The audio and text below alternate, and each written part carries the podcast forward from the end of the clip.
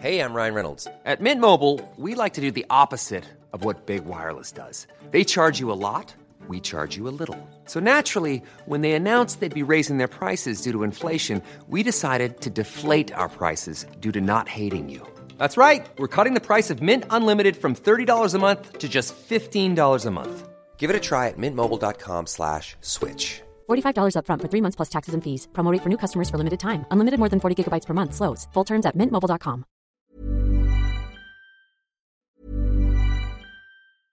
Hey, I'm Ryan Reynolds. At Mint Mobile, we like to do the opposite of what Big Wireless does. They charge you a lot, we charge you a little. So naturally, when they announced they'd be raising their prices due to inflation, we decided to deflate our prices due to not hating you. That's right. We're cutting the price of Mint Unlimited from $30 a month to just $15 a month. Give it a try at mintmobile.com slash switch. $45 upfront for three months plus taxes and fees. Promo for new customers for limited time. Unlimited more than 40 gigabytes per month. Slows. Full terms at mintmobile.com.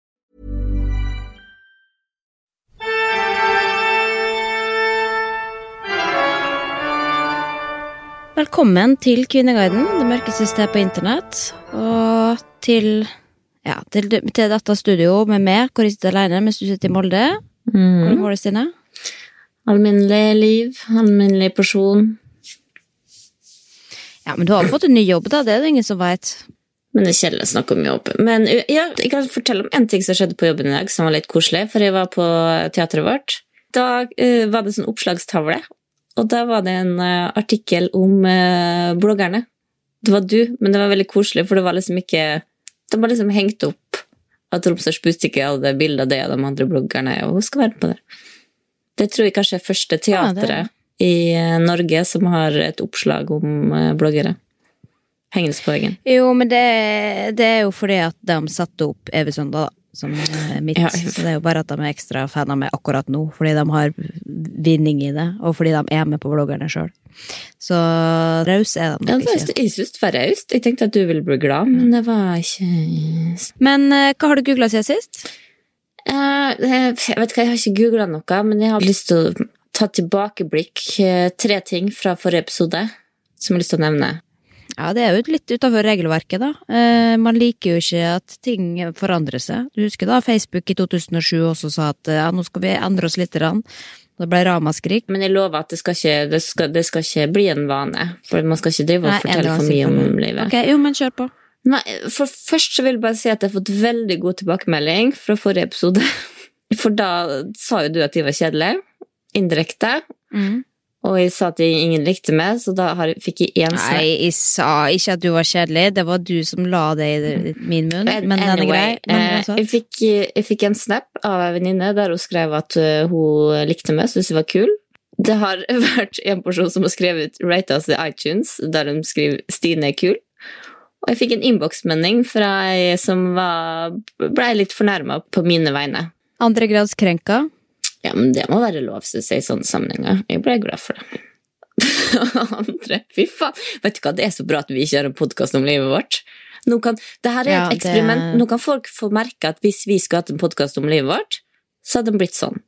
Andre tingen er Jo, men det er ingen som har etterspurt eh, en podkast om livet vårt, så den er vel grei. Nei, men det kan de nå se, da. Og prise seg Ja. lykkelige. Det andre jeg har lyst til å se tilbake på Jeg hadde googla sist flytider og stormtider og sånn, for at jeg skulle fly hjem i storm. Det var storm. Og jeg har jo hatt flyskrekk. Og jeg hadde det ganske vondt før. Og da vi, da vi landa på Åre flyplass, så hylte alle, liksom. Alle, det hørtes ut som hele flyet trodde skulle dø. Jeg hylte ikke, da. Men for det var så hard landing, og folk bare Jeg så døden i blikkene deres idet vi liksom Før flyet begynte å bremse ned, liksom. Folk satt og holdt seg fast i uh, armlenene og, og hylte. Etter det kvitt flyskre flyskrekken. Det veit du ikke. Jeg er jo ganske sikker på Greier man det her, så greier man alt. Tenk nei. Famous last word. Men eh, tredje tingen er at eh, jeg må innrømme at sist gang så hadde jeg faktisk ikke sett alle episodene av bloggerne ferdig. Løy du til meg? Jeg legger mest til lytterne.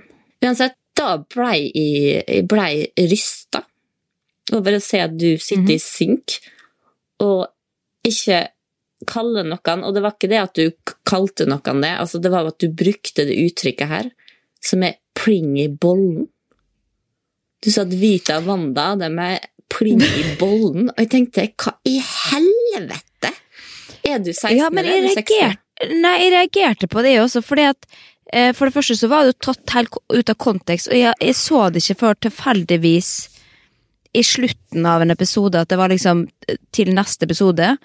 Um, og det var jo sikkert bare en litt sånn cliffhanger, og Linnea kaller noen for noe, liksom. Og det gjorde jeg jo ikke. Jeg sa jo at jeg elsker Vita og Wanda men de er jo helt fullstendig pling i bollen når det kommer til sånn å overdo it, da. På liksom, da snakka vi om lanseringsfesten deres, hvor det var 20 forskjellige mattyper og drikker sponsa i hodet og ræva, og så mye glitter. at Det var jo derfor jeg kalte den pling i bollen, Ja, er eller Plingipoppen, eller sånt. Ja, kanskje det var pling i Pling i poppen, tror jeg til og med at jeg sa. Og jeg ble så sjokkert, for jeg tenker sånn, herregud, hvis de ser det bare lille klippet der, men de vet jo alt om hvor lett det er å ta ting ut av kontekst. Men jeg trodde ikke bloggerne drev med sånt, så det ble jeg faktisk litt krenket over sjøl. Det er jo ikke det at Jeg tror ikke Det er ingen som blir fornærma over å bli kalt pling i bollen, og det var jo et hyggelig, hyggelig kontekst, egentlig, som men Syns du Er det et uttrykk du bruker, liksom? Pling i bollen? Nei, for jeg kan ikke huske å ha sagt det noensinne, så jeg må ha vært eh, helt fullstendig ute. De er jo, blir jo ofte litt lange, disse synkene, så det er jo jeg som blir litt pling i bollen. Da, det er, men jeg aldri Men jeg, jeg tror jeg sa det, pling i poppen, så jeg bare lurte på, herregud, har dere fotofikla det til, liksom? Jeg har aldri hørt uttrykket sjøl, holdt på å si.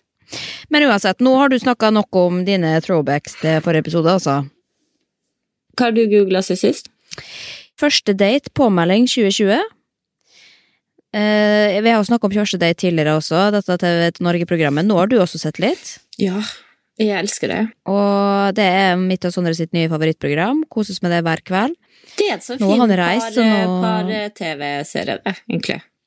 Ja, og så tror jeg det er litt sånn fint å bli påminnet hvor jævlig det er å være singel og gå på den type dater. da. Ikke at alle gjør det, at det kunne være jævlig å være singel, men at man kan være litt takknemlig for at man har hverandre og slipper å utsette seg sjøl for ja, fremmede mennesker, basically. Mm.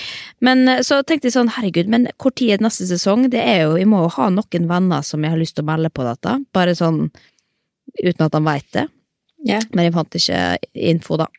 Men det er fortsatt ingen som, eh, som har eh, blitt kjærester eller truffet hverandre igjen, så det, jeg tror ikke det er sånn veldig god, eh, god statistikk da, for å bli et par ved å være med der. Da er det bare fordi du har lyst på TV. Anyway, og så har jeg googla Britney Court Dates. Hun er jo i rettssalen om dagen. Eller ikke hun, da, men familien hans og med dette conservativeship-greia, hvor faren har vært vergen hennes i elleve år, og nå har han da angivelig mishandla, eller i hvert fall rista det ene sønnen til Britney, som har gjort at han har fått eh, besøksforbud mot sønnen. Men det er jo hvert fall, nå er det masse rettssaker for at hun skal komme seg ut av farens eh, klo, og nå var det liksom i LA forrige uke, da, Eh, og da er det jo masse sånn fans som står utafor med plakater og Free Britney og sånn.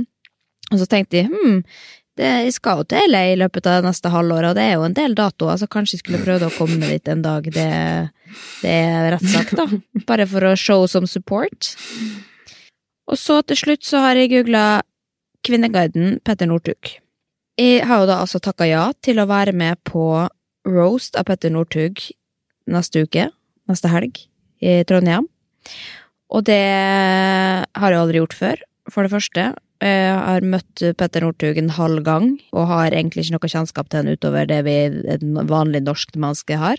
Jeg har aldri roasta noen i mitt liv, og jeg har heller aldri fortalt en vits som eh, ja, hva skal man si, eh, har landa godt. Det er jo ikke noe god på å levere vitser, og hvis alle andre er standup-komikere, det er jo liksom Dag Sørås, Else Kåss, eh, blant annet, som er veldig go er god på å levere vitser, og så er det meg, blant annet, da. Em, som er jo en utfordring i seg sjøl, så det kan jo bli flaut. Men jeg tenkte at de skulle kanskje ta til hjelp Kvinneguiden, da, for de har jo hatt meninger om Petter Northug, selvfølgelig, som de har, eh, om alle kjendiser, egentlig. Jeg fant egentlig ganske mye bra, så jeg lurer på om jeg faktisk skal bruke Kvinneguiden. Ja. Men eh, det, det får vi se. Kan vi bruke litt av Men- materialet fra Kvinneguiden etter roastene, hvis det er bra? Ja, vi, ja, vi får se. Ja, vi får se hvor roast det blir. Og de skal jo roaste meg tilbake også, så det er bare å ha psykiater på speeddale. speeddale? Speed dial. Men uansett, apropos Kvinneguiden.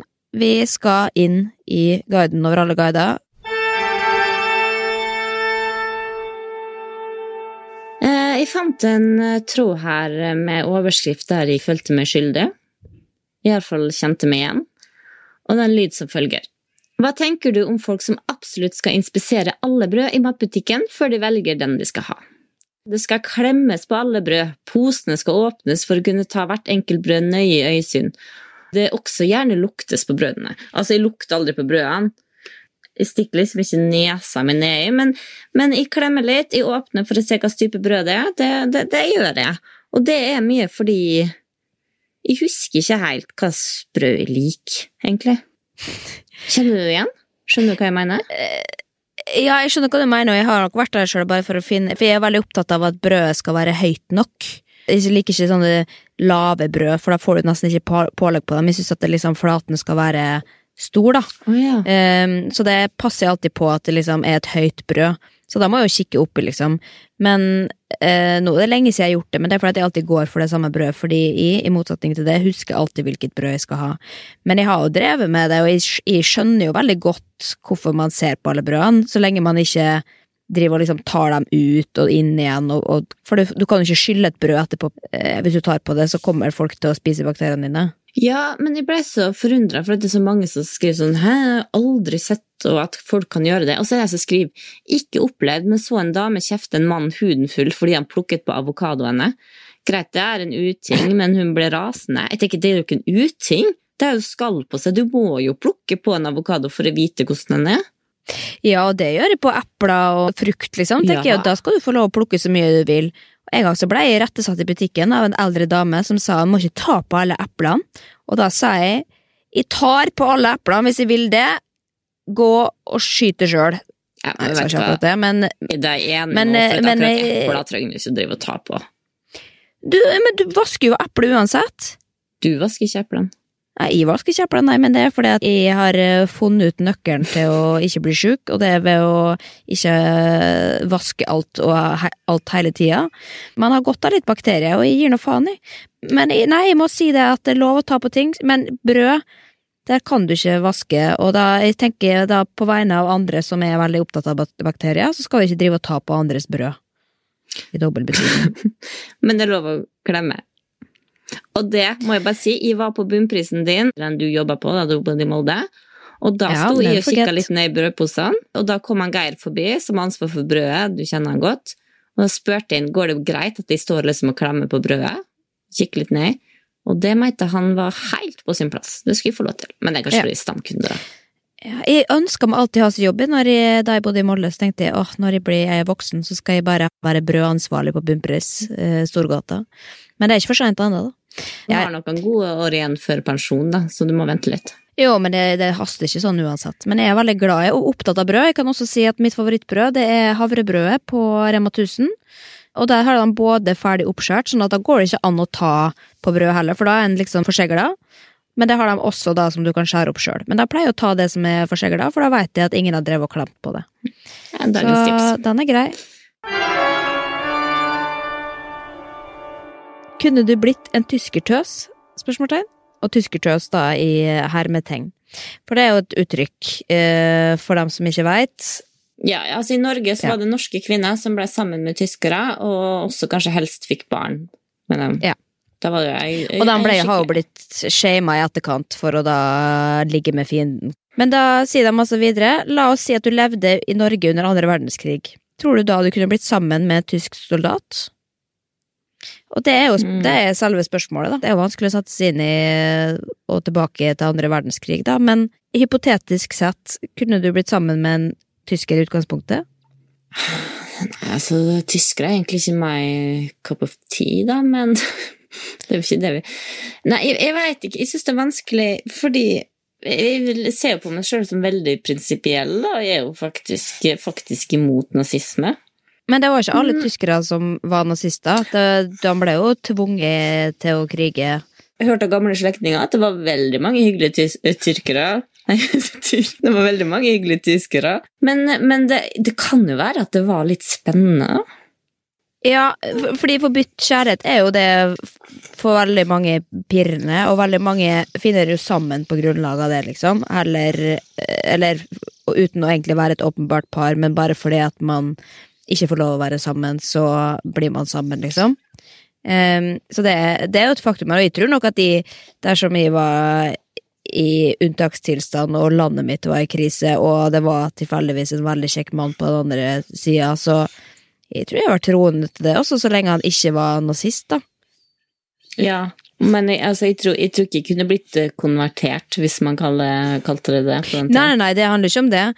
Men, men hvis man skal tenke at ok, men hvis det var en nazist, da, øh, og du ble forelska i ham, det hadde jo blitt litt sånn som Det er fristende å sammenligne som at, med at jeg skulle plutselig blitt forelska i en som dreiv Resett og da nå, liksom. det og det sitter jo Nei, men det sitter jo litt, for da er man jo på to forskjellige steder politisk sett, da, og det er jo veldig turnoff for min del når du er nazist, bare. Jeg syns nazisme er veldig turnoff, det må jeg bare si. Men um, Her kommer vi med kontroversielle meninger, folkens. Vi, vi er begge enige om at uh, nazisme er turnoff. Men det er veldig mye politisk krangling og diskusjon her, og de fleste sier jo at de ikke hadde gjort det. Men det er noen som også sier hvis jeg har vært singel, ja. Alt for å overleve i krigssituasjon og fattigdom. Men det er noen som eh, spør uh, følgende Hva er grunnen til at kvinner er så villige til å selge landet sitt til fienden? Ja. Og da er det noen som svarer på det spørsmålet. Nå har det vel heller vært slik at menn liker å invadere andres land og stjele deres kvinner. Ja, Så skravla går da på den tråden her. Det utvikler seg jo til uh, politisk uh, krangel, dette her, så vi skal kanskje legge fra oss det. Men jeg tror i hvert fall at de kunne vært det man kaller tyskertøs men eh, samtidig ikke, fordi at jeg er ikke så glad i tyskere. Jeg tror ikke jeg kunne vært sammen med en vanlig tysker i dag engang. Og det er eh, kanskje rasistisk kan man si, men jeg, jeg syns at det tyske språket det er ikke helt min eh, greie, da. Og det må være lov å si, sant? Ja, vet du hva, jeg tror for en, ja. en gangs skyld så er vi helt enige. Men du, kunne du blitt sammen mm. i iskriger? Iskriger? IS-kriger. Nå begynte jeg å se for meg det, så Iskrigerne på TV2, eller hva faen det er for noe. Um, IS-kriger Nei, ikke en som allerede var det, men det er jo, folk flest blir jo IS-krigere om dagen. Plutselig så ser du at så har Sondre reist til, til utlandet og konvertert seg og blitt en del av gjengen, så du veit jo faen meg aldri. Det må passe på at folk har et trygt sted å være, hvis ikke så forsvinner de under Blir radikalisert og ender opp som IS-krigere. Kunne, kunne blitt sammen IS-krigere. Siden vi er inne på det. Uh, nei, det kunne jeg faktisk ikke. Det ble litt for mye mann for min del, altså. Det må jeg bare si.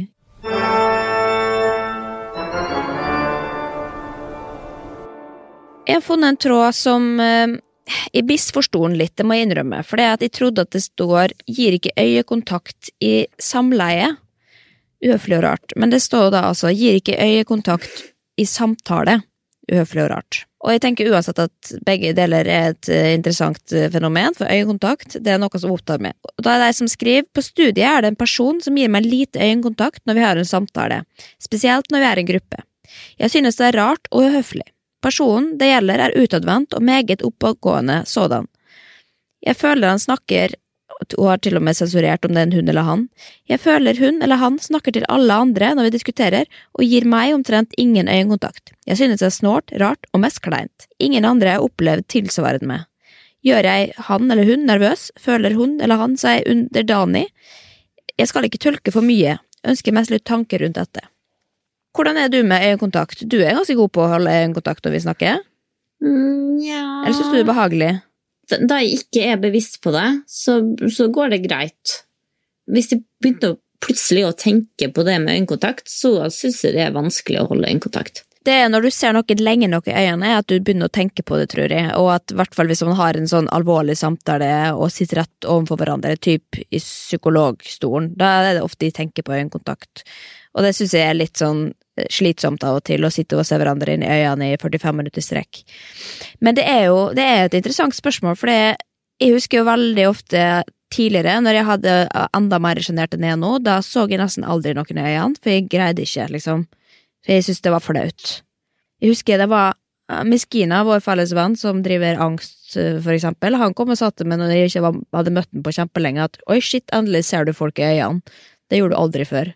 Og det er ikke en sånn bevisst ting jeg har gjort, men det er bare at jeg tenker at jeg, jeg har blitt tryggere på meg sjøl, og at jeg kan se folk i øynene. da. Jeg er til stede i samtalen og prøver ikke å rømme, liksom. Men så er det jo ofte Det er jo noe med øyekontakt når du er kanskje interessert i noen, da, og det er det jeg kanskje tolker dette denne problemstillinga litt som, at det kan jo høres ut som at han kanskje, eller han eller hun, da, er litt interessert. Jeg synes det er veldig vanskelig å se folk i øynene hvis jeg synes de er veldig kjekke, for eksempel. Du sier noe der, kanskje? ja? Ja, jeg var blant annet på, Camp Culinaris, det kan du si nå, for nå begynner det å bli så lenge siden, men da synes jeg, syns jo uh, Kjartan er veldig kjekk. Han Og hver gang man skulle ha sånn Ja, han kokken, sjefen, liksom. Og hver gang man da skal ha Hva skal man si? Altså, man skal stå og ta sånne lytterbilder, da, så man skal bare stå og se hverandre inn i øynene for å late som at man hører på noe, for at det skal bli riktig for TV-en, da. Og da greide jeg aldri å holde øyekontakt med han, så jeg så ikke han inn i øynene et eneste sekund i løpet av det oppholdet, helt til jeg plutselig skulle i sånn kokkekamp. Og da kom, da kom han og tok sånn Altså at man liksom tar to fingre mot øynene og til den andre. Ja, sånn, nå er du her, nå må du se på meg. Ja. Men det var jo bare fordi jeg syntes han var kjekk, og at derfor ble jeg liksom, jeg følte meg Men det var kanskje også ikke bare at han var kjekk, men at han var autoritær. Han var sjef. Du var sikkert Ja. litt redd han også. det, Ja, det, du har nok rett i det. Så det handler nok om det, at eh, man kan kanskje mistenke at han kanskje er litt interessert, da. Eller at han bare er ikke interessert i det hele tatt, og har veldig Ja. lyst til å vise at jeg later som at ikke du fins engang. Ja, men, altså, men så er det av og til noe nå som har så stirrer det så intenst inn i øynene at de nesten kan føle at at de prøver å kikke liksom langt inn i sjela mi. Skjønner du hva jeg mener? Men de er jo psykopater Ja, ofte, det- da- eller da- bare da veldig greier han rusa. Da må jeg se ned. Ja, Ari Behn er litt sånn. Han, Ja. Og han tar det i handa i tillegg, og så klemmer han hardt, og så bare kikker han og kikker han og kikker han, helt til, du, til, til mamma sier du, nå har du kikka lenge her, nå må du, nå må du move on, altså. Ja, jeg glemmer aldri en legendarisk eh, aften da vi var på Se og Hør sin Kjendisgalla, og jeg sitter ved siden av det, og han sitter og holder det i hånda i ti minutter og kikker inn i øynene dine. Da ble jeg eh, meget satt ut på dine vegne, må jeg si. Jo, men jeg tror han gjør det for at han vil at de skal tenke å herregud, han er helt unik, og han ser meg, liksom. Ja, han ser meg fordi at han glor meg inn i øynene, liksom, og prøver å få kontakt. Men da sa du til du, dette er jo kjempeubehagelig, hva er det du driver med? Men jeg tror det funker på veldig mange andre, da, bortsett fra kanskje meg. Men eh, det er lov å prøve seg. Ja. Men uh, hun fikk ikke så veldig mange svar her, da, men det er jo kanskje Ja, det er fristende å si at uh, mulig han er litt interessert i det, eller han eller hun. Og at uh, underdanig vet ikke om jeg tror, men ja, dette er våre tanker om dette, i hvert fall. Det var jo det hun etterspurte her. Får håpe at hun er innerst inne er litt interessert i han òg, da. Da blir det noen Da blir det noe kikking inn i øynene på hverandre til slutt. Ja, ja, det blir noe kikking til slutt, I guess.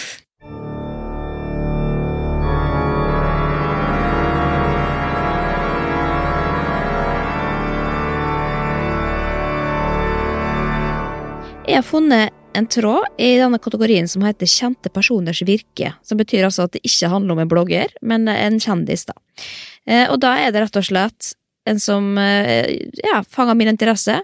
Hva synes du, eller hva syntes du om Fredrik Solvang? Fredrik Solvang, for den som ikke kjenner han, er jo da programleder i Debatten, blant annet. Vært i Dagsnytt 18 før det. Veldig bestemt, kranglete fyr. Står i hver debatt. Får så busta fyk. Det som trådstarter her hevder, da, fordi at han sier Synes han er noe inn i helvetes slitsom. Skjønner ikke greia hans. At han skal være en konfronterende intervjuer som setter politikere, skråstrek makspersoner, på plass og stiller dem til veggs. Men han lar jo ikke vedkommende som blir intervjuet, svare halvveis for seg en gang, før avbrytelsene kommer. Håper noen snart snur på rollene og stiller han til veggs.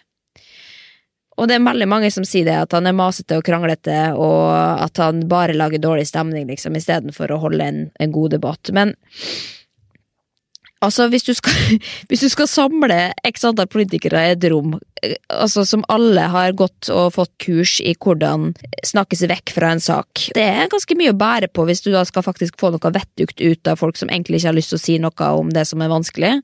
Da må du stille til veggs, og da må du avbryte når folk kommer med ting som ikke er relevant for spørsmålet. Er du ikke enig? Jo, jeg er enig i at det blir veldig usaklige debatter, men så av og til så syns jeg Det er en ting man ikke får lov til å si i 2019, men jeg sier det likevel, at jeg syns av og til at det er litt artig at politikerne krangler. Men det er jo veldig mange som, som elsker den her. Det er noen som skriver 'Elsker Fredrik Solvang'. Skarp som faen, intelligent, stilig fyr. Nydelig, love him. Eh, mens det er noen som da sier 'oppfatter han ikke sånn'. Snøvlete og lite presis, dog jævla masete i konfrontasjonene. Men det er jo bare kanskje hvor man står også politisk, da. Eh, jeg har inntrykk av at dem som er på høyresida, ikke liker han så godt. Uh, Uvisst hvorfor. Men jeg syns han er en av de kuleste profilene vi har i Norge. Jeg syns han er Tenk hver uke å måtte sette seg inn i så mange problemstillinger og kunne så mye om det. Selvfølgelig, han får jo masse hjelp og sånn, men det å liksom lede en debatt og vite alle argumentene fra alle sider og hva du skal si til ethvert tidspunkt Du kan jo uansett ikke 100 forberede det. Da må du jo være jævlig kjapp i replikken, liksom. Altså, jeg hadde aldri takla den jobben, og i tillegg skal du da gå på Twitter etterpå og få 1000 tweets som både går på det som menneske og som at du er partisk og ditt og datt, liksom. Fy faen, jeg hadde booka under for eh, 14 år siden, liksom. Du, har du sett den dokumentaren eh, Thomas Seltzer har laga om Trygve Slagsvold Vedum? Nei, for han, han fulgte han opp mot valget tett. Og da fikk jeg, altså da fikk jeg enda mer sjansen for Fredrik, altså. Fordi han var med da han skulle i politisk samtale etter Dagsnytt. Og så ser du liksom eh, Trygve og Fredrik står og tuller og ler liksom på vei inn i studio. Står bare og kødder, og så kommer liksom noen og roper bare sånn derre Fredrik, Dagsrevyen vil ha det! Og så bare springer han, opp og liksom ett sekund så bare har han liksom på trynet det alvorlige og bare leverer som faen, liksom, og så kamera av. De setter seg ned. Sitter og øh, man får liksom ikke med seg hva de snakker om, men du ser at begge to sitter og later som de sparker hverandre i foten. Det var så utrolig fint klipp. Jeg tenker sånn, herregud, så koselig.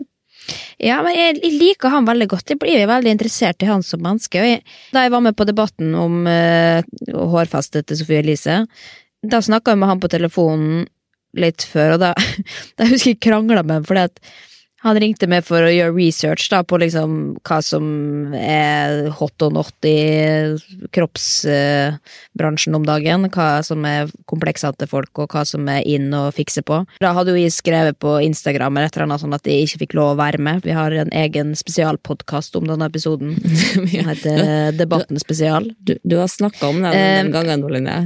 Ja, men poenget var i hvert fall at da ble han sur på meg fordi at han For da var det jo mange selvfølgelig aviser som da hadde ringt til NRK for å høre Ja, men er det sånn at, at uh, dere stenger ute noen fordi at det er en som sitter og bestemmer? Og da sa han sånn Ja, du ringer jo alle Norges aviser for å sladre om uh, hva vi driver med og ikke. Og så sa jeg unnskyld meg, faen ikke ringte deg, jævla avis. Det skal jeg ha med frabatt, at du tror det. Jeg har bare lagt ut noe på Instagram. Hva avisa gjør, det er faen ikke opp til meg. Og så sa jeg ok, greit. De skulle egentlig ønske at vi var veldig gode venner, men uh, jeg tror jeg er litt for uh, lite intelligent for å kunne keep up med hans uh, samtale, altså. Det må jeg bare si. Ja, men jeg tror også at han liker at skravla går om uinteressante ting av og til, altså. Ja, ja, ja, og så lenge man har litt glimt i øyet, så tror jeg at eh, de fleste går, eh, går overens. Men det er jo da selvfølgelig, dette var jo skrevet da under valget, da var det ekstra mye føss rundt han. Eh, Da ender jo tråden som man ofte gjør på Kvinneguiden, da. Da er det noen som skriver Utrolig at en innvandrer får bestemme over valget i NRK. Og da er det noen som, som spør å ja, hvor, hvor er han innvandra fra, da? Og da svarer han i Kina. Og Fredrik Solvang er jo norsk som faen, eh, adoptert fra Sør-Korea riktignok, men det er jo bare helt absurd at man bare sitter og mener sånne ting. Men det er jo som regel det som skjer, da. Da fikk vi, da fikk vi sneke inn uh, Ukas mann. På to forskjellige måter. Ja, for det- Ja, for det, det er en mann som mener at han har innvandra fra Kina. Rasisten er ukas mann på Kvinneguiden, og Fredrik Solvang er ukas mann i våre hjerter.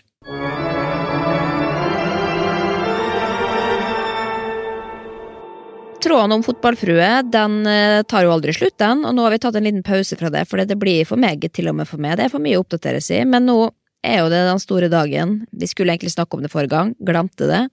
Eh, Men eh, det er jo Og sånn Før ja. vi glemmer det, vi har glemt å takke alle som kom på livepod. Ja, det har vi glemt, men dem, det, takk for det. Takk for det. Men du må ikke avbryte meg midt i fotballfrue-ranten. Jeg er veldig takknemlig, altså, men det, det er en tid å se for alt, Stine. Ja, anyway. Mens vi satt der, så blei det jo da arrangert en treårsdag, og det var jo Ja, det, var, det ble noen forberedelser der som vi var veldig spente på, hvordan da dette skulle utvikle seg, og hvordan denne bursdagen skulle bli seende ut. For det har vært blåsing av ballonger, og det har vært ballongbue, og det har vært baking av kake, og alt dette har jo da blitt dekka i sosiale medier, og det har jo da fått eh, Kvinneguiden til å eksplodere. Og det er jo det som skjer hver gang det feires eh, barnebursdag i, i villaen til fotballfrue og det rantes om alt fra tida å bruke på det, antall ballonger og unødvendig bruk av plast, hvor jævlig unødvendig det er å legge så mye tid i en enkel treårsdag, og ikke minst hvor mye press det da legges på alle de andre barna som måtte være invitert, eller ut til da småbarnsforeldre generelt som leser bloggen. Ja, men det er én ting, fordi du som jeg blir sånn ja, jeg er enig i at det er veldig mye tåpelig på Kvinneguiden om, om Karoline og shaming av henne. Men allikevel, du, du, er jo ekstremt opptatt av blogg- eller influensere sin påvirkningskraft, og særlig da det kommer til kropp. Og da blir det sånn da syns jeg det er litt feil at fordi at du ikke greier å sette det inn i en småbarnssituasjon og det livet, at du latterliggjør dem som kritiserer henne. Og jeg har liksom tenkt litt på det, for jeg føler jo ikke at jeg blir påvirka av at, at Karoline Berger Eriksen har overdådige bursdagsselskap og føler at fordi at hun har det, så må jeg arrangere det. Vi har, så jeg kan legge ut bilder av kaka, og du ser at her er det ikke mye eh, Det går kanskje mer på evner da, enn en vilje. Men uansett så er det jo noe av det med tidens tann, da, at hun har faktisk satt, vært med på å sette en standard, det mener jeg, i Norge på at bursdagsselskap blir mer og mer over the top, og mer som som man ser hos amerikanske kjendiser, for eksempel The Kardashians. Og det syns jeg er synd. Det går utover ungene, det går utover eh, økonomien til folk, og jeg, jeg mener at liksom snart så tror jeg faktisk ikke den vanlige skuffekaka og godteposen eh, Jeg tror den har utgått. Jo, men vet du hva, jeg, jeg, jeg er uenig med det, for jeg syns det er trist at det skal være sånn at bursdag skal være på en viss måte.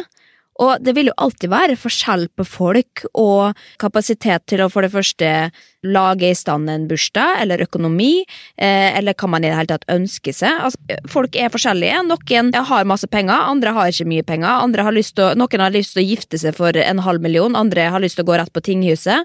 Og man vil alltid sammenligne seg, men man må lære seg at folk er forskjellige og har forskjellige forutsetninger.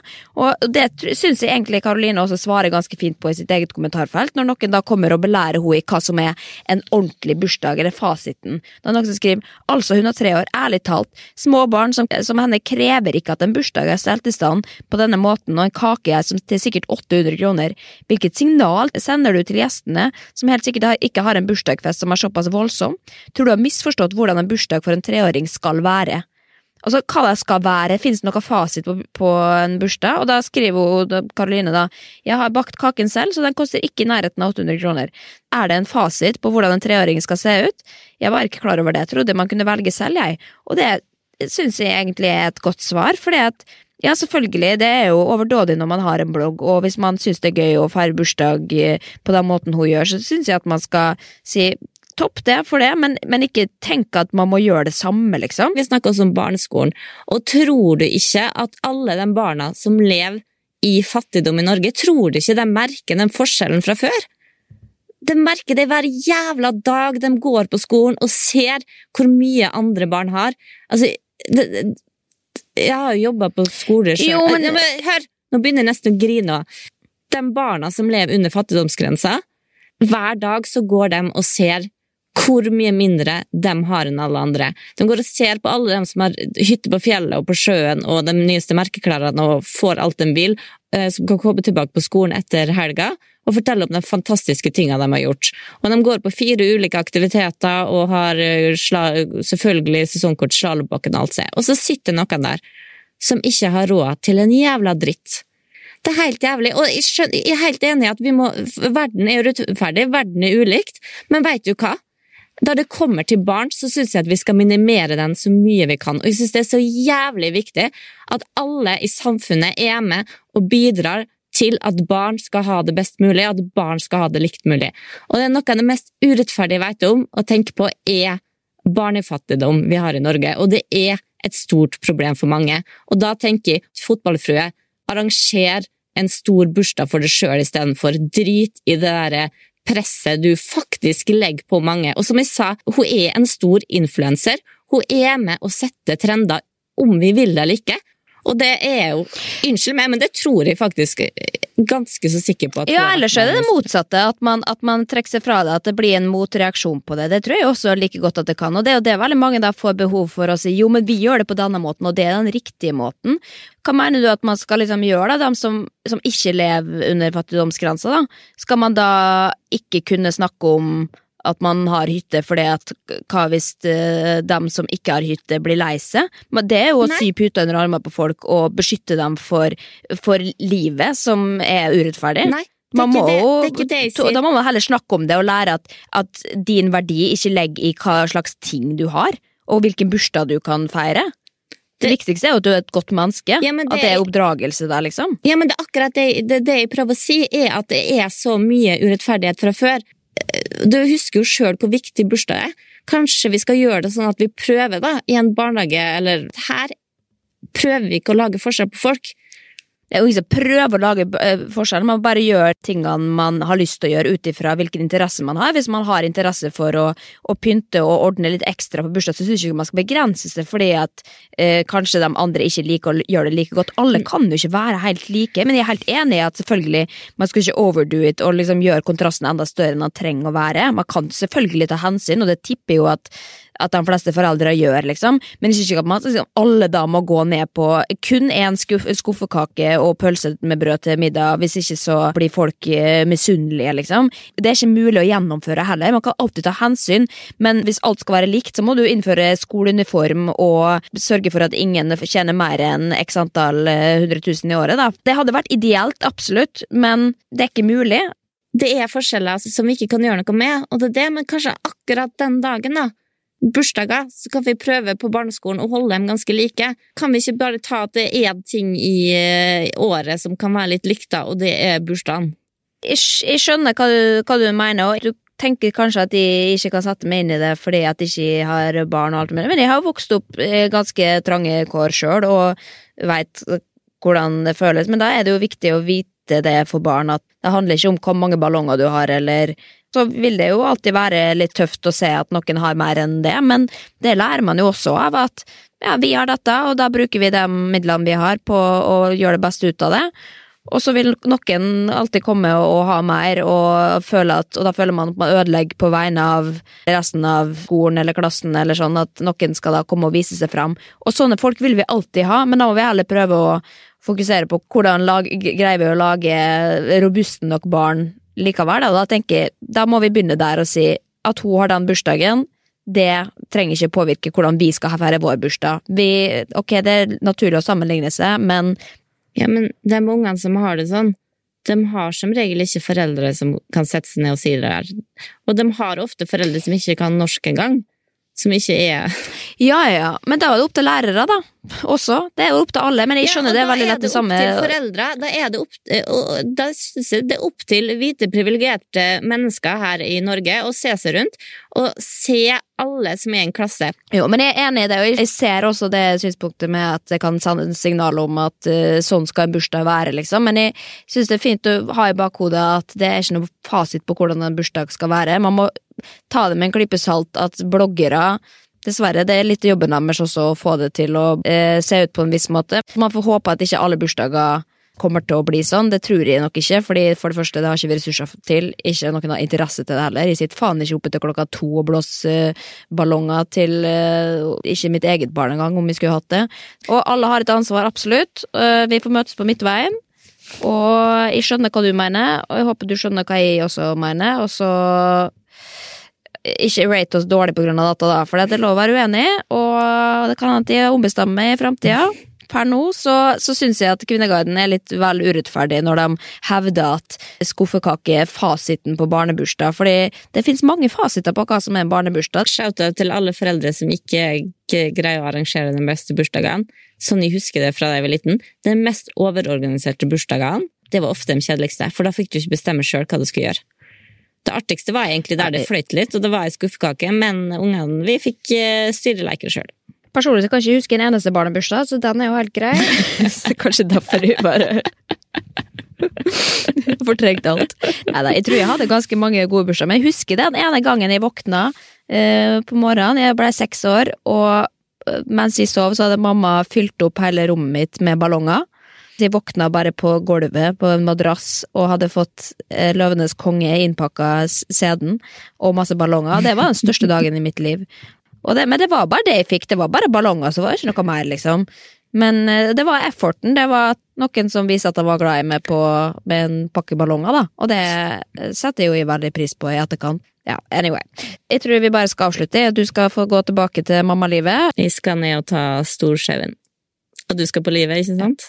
Jeg skal på livet, skal leve livet som, eh, som jeg har valgt, ut og sammenligne med andre. Neida, kanskje det. Men husk å like oss på Facebook, på Kvinnegardens venners venner. Takk til alle som kom på livepoden. Vi skal si fra hvis det skjer igjen en gang i framtida. Litt usikker på om det kommer til å skje, men hvis det er interesse, gi oss en shout-out. Ja, det var fantastiske- Herregud, gi oss en shout-out, hva faen. Nei, ikke si det. Herregud, at det blir bare mas.